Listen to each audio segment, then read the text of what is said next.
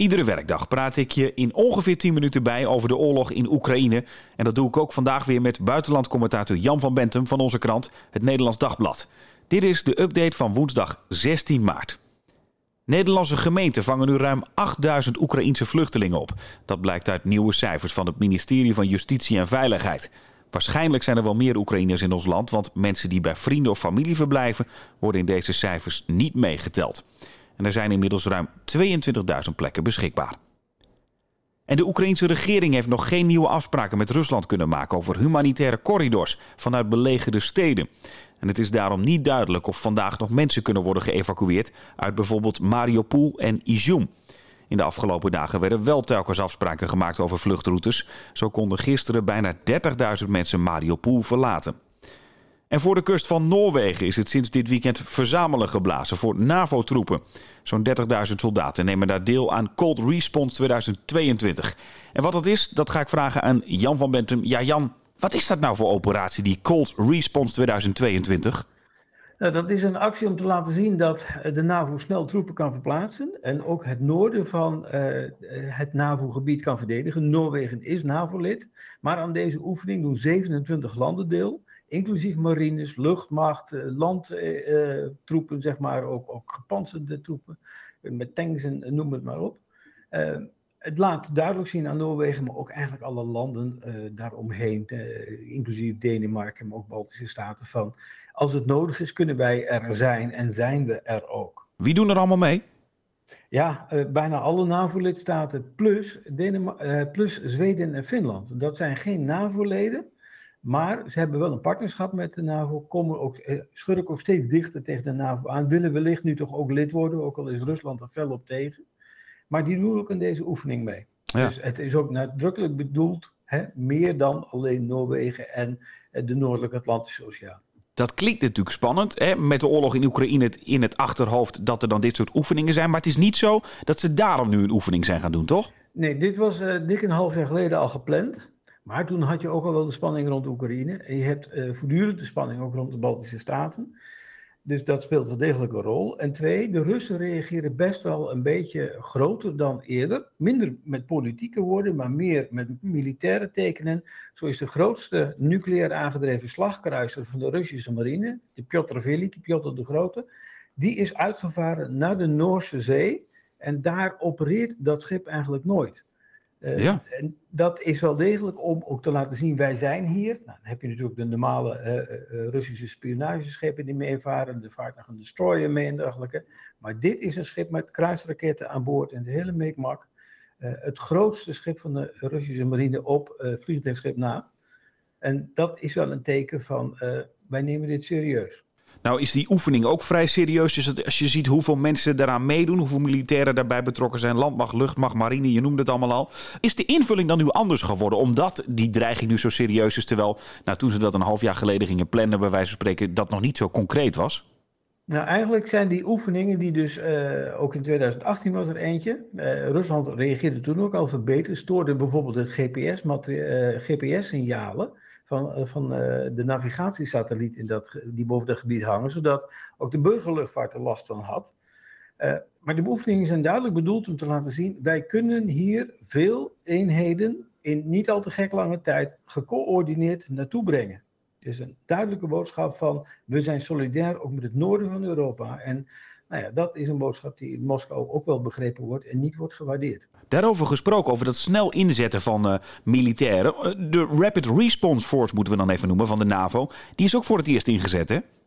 Ja, en daar wordt wel veel nadruk op gelegd. Uh, gisteravond, of gisternamiddag, zei de secretaris-generaal van de NAVO, Stoltenberg, nog van ja, dit is toch echt voor het eerst in de geschiedenis van de NAVO dat we die snelle reactiemacht inderdaad in staat van paraatheid hebben gebracht. Het is een uh, eenheid van uh, maximaal 40.000 troepen uit allerlei lidstaten van de NAVO. Daarbinnen heb je nog een soort speerpunt, de flitsmacht, die is maximaal 5000 militairen. Die moet binnen 24 tot 48 uur op welke plek er ook een conflict is, uh, kunnen worden ingezet. Nou, daarnaast, en dat benadrukte Stoltenberg nog eens, zijn er meer dan er zijn er 100.000 Amerikaanse militairen nu in Europa. En er zijn volgens zijn woorden honderdduizenden militairen door het hele bondgenootschap in hogere staat van paraatheid gesteld dan, het, dan ze waren. En dat is toch wel echt een hele andere situatie dan je een jaar geleden had. Die Rapid Response Force die is op dit moment in Roemenië. Waarom daar? Want ja, er is dreiging in Noorwegen zou je kunnen zeggen, Zweden, Finland. Maar waarom Roemenië? Nou ja, heel concreet omdat het dicht bij Oekraïne ligt. En mhm. dus een hele duidelijke uh, boodschap daar uh, moet afleggen. Uh, maar er gaan ook meer militairen richting landen als Polen, Hongarije, Bulgarije. Daar gaan bijvoorbeeld Nederlandse F-35's naartoe over een maand of, of een aantal weken. Er gaan meer militairen naar de Baltische Staten, ook Nederlandse militairen. De Nederlandse militaire aanwezigheid wordt daar vergroot. Kortom, je ziet die hele NAVO de oostflank versterken. En daar wordt dan vandaag op een NAVO-bijeenkomst van ministers van Defensie ook over gesproken. Hoe gaan we niet alleen dat nu op korte termijn doen, eh, hoe geven we bijvoorbeeld ook op korte termijn Oekraïne nog meer gerichte, geavanceerde militaire middelen om zich te kunnen verdedigen, maar ook wat doen we op de lange termijn? Je, je wil veel meer geld eh, in, in defensie pompen, zie 100 miljard wat, uh, wat Duitsland wil gaan doen, maar hoe ga je dat gebruiken? Wat is nodig en waar zetten we dat neer? Daar wordt deze dagen dan op een NAVO-top over gesproken. En zo volgende week ook een ingelaste NAVO-top in Brussel. Wat wordt daar dan weer besproken? Nou, daar komen de regeringsleiders, inclusief president Biden, 24 maart. En dan ga je het echt over de lange termijn hebben. Van uh, hoe gaan we dit vormgeven? En dan heb je misschien ook nog de vraag van, uh, komt er een mogelijk lidmaatschap van Zweden en Finland aan de orde? En dat zijn echt grote stappen, want Zweden en Finland hebben er wel eens eerder over nagedacht, maar Rusland heeft duidelijk laten weten daar niet van gediend te zijn. Finland bijvoorbeeld heeft een, een grens van 1300 kilometer, ruim 1300 kilometer met Rusland. Dus ja, dan, dan komt de NAVO wel ineens uh, heel dicht bij uh, de Russen te staan. Nu heb je eigenlijk nog maar een paar kleine stukjes waar dat zo is. Vooral het noorden van Noorwegen, waar je nog geen 200 kilometer grens hebt, als je alles bij elkaar uh, telt. Maar dan in één keer heb je het over bij elkaar uh, richting de 2000 kilometer bijna. Uh, dus dat zijn echt grote vragen die op tafel zullen komen. En uh, ook echt elkaar in de ogen kijken en naar elkaar vertrouwen uitspreken is, is belangrijk. Ja. En er, is, de, de, er zijn ook lidstaten die wel aarzelender zijn, bijvoorbeeld. Denk aan een lidstaat als Griekenland, dan een lidstaat als Polen dat veel verder wil gaan. Ja, interessant om dat eh, te blijven volgen. Dan nog even als laatste over die oefeningen. Wordt Poetin daar nou bang van? Nou, Rusland reageert er altijd wel venijnig op. Maar in dit geval, ook vanmorgen toen ik de Russische bronnen las, TAS uh, en, en RT.com en Sputnik, die zijn op zich geblokkeerd in Europa. Maar goed, je kunt erbij komen als je weet hoe. Uh, dan zie je daar weinig nadruk op. Het gaat toch bijna allemaal over Oekraïne. Het gaat allemaal over, ja, het Westen heeft dit uitgelokt. En uh, veel minder over deze zaken nu. Men is heel erg gefocust op Oekraïne. En de, de Russische uh, gezant bij de Verenigde Naties heeft ook gezegd van wij zullen niet eerder stoppen dan dat al onze doelen zijn bereikt, inclusief, en daar kwam het weer terug, de denazificatie van Oekraïne. Ja, dan zou dus de huidige Oekraïnse regering weg moeten en dan valt het hele verhaal over onderhandelingen ook de bodem eruit. We blijven het eh, volgende komende dagen. Als laatste heb ik nog een vraag voor je, Jan, die van Wouter is eh, binnengekomen. Die schrijft: Het lijkt duidelijk dat deze oorlog echt een idee van Poetin was en niet per se van zijn vertrouwelingen.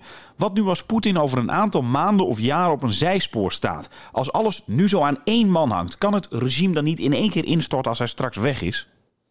Nou, het was niet helemaal alleen Poetin, maar wel vooral. En hoe dat, wat voor gevolgen dat kan hebben en wat je nu al ziet aan, aan kritiek in Rusland en dergelijke, ook in hoge kringen, daar wil ik eigenlijk naar kijken voor de analyse in week, voor aanstaande zaterdag.